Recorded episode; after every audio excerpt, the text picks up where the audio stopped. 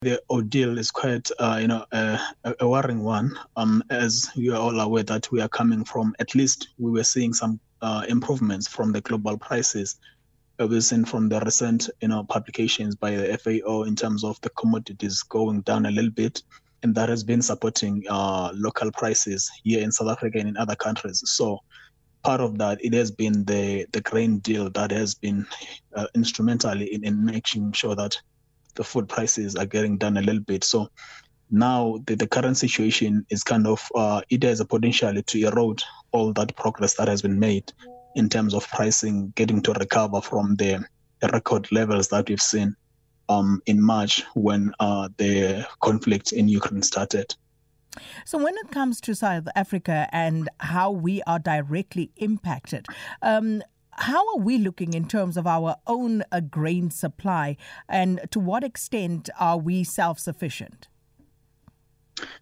Um, so the, the the issue with South Africa specifically, with uh, in terms of us getting grains in that uh, region, it has been uh, specifically wheat, and and that we've been getting that. Sometimes it could go around 24% and maybe a little bit above from Russia specifically. But since the the conflict started, uh, South Africa have managed to diversify or at least divert uh, the amount that we were getting from that region.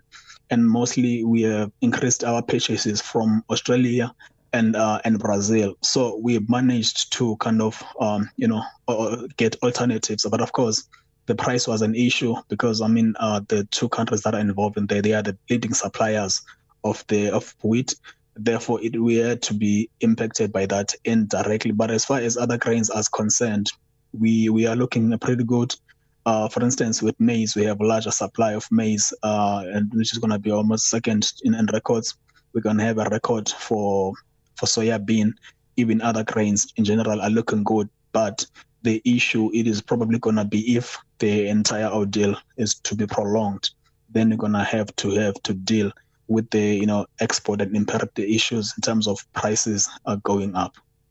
So, when it comes to the fact that South Africa will see uh, a bumper uh, seasons in some of the uh, grain uh, production that we have, uh, is that something that we could perhaps use to offset some of the shocks uh, from what's happening in Russia yeah. at this point? in the short run, in the short run, Sakina, that would be just gonna be very useful. I mean, even for for the past year, South Africa didn't, as much as of course prices were higher, and that was felt because uh, the majority of South Africans are not doing very well as far as economic issues are concerned.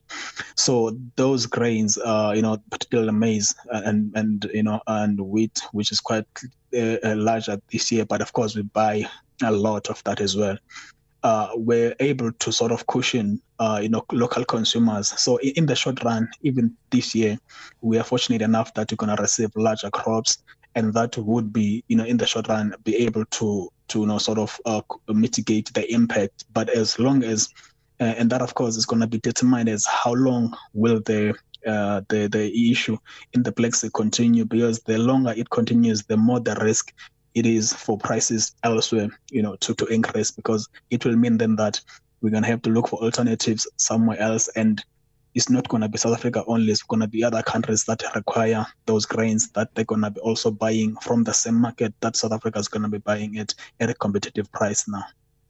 And what is preventing us at this stage, uh, Thabile, from uh, basically producing more wheat as South Africa? You look at the wheat growing areas in the country, yeah. uh, the Western Cape, the Free State, um, yeah. Uh, the Northern Cape. Yeah. Why, if we look around and we see uh, the amount of uh, land that we have in those provinces, can't we grow more of our own wheat?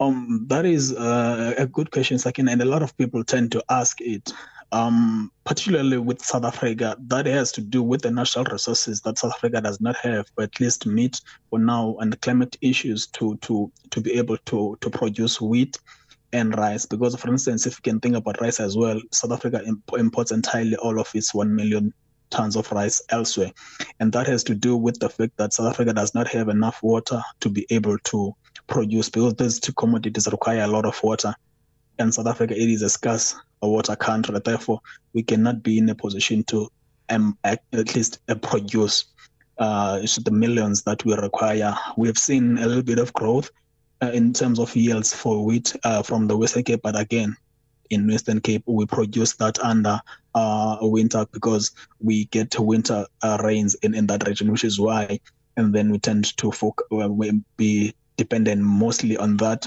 And then in other parts, like Free State, as you correctly mentioned, we we um using uh, that um, uh, area as an under irrigation where irrigation system is being used. So the issue tends to be in water and other climate issues to not produce wheat specifically and rice.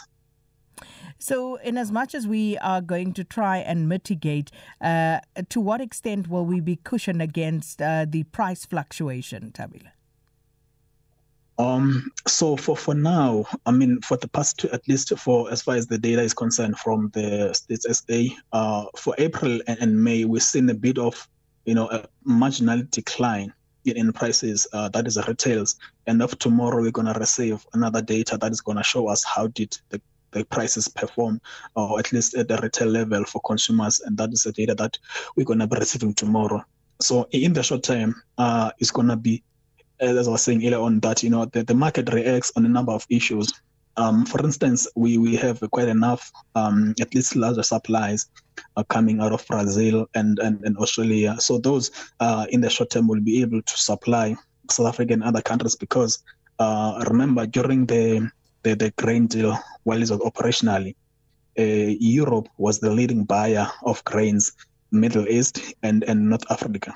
Those regions have so much power to influence the prices, but because they've managed to buy a lot, then at least probably if the situation is going to be resolved, the issue of prices with, might, might not just trickle into the market immediately, but of course, as I was saying earlier on, the longer the situation gets, then the the higher the chances that we're going to see prices reacting in, in all that in all that that is going to be happening happening in, in South Africa, and of course being impacted by what is happening uh, abroad or globally.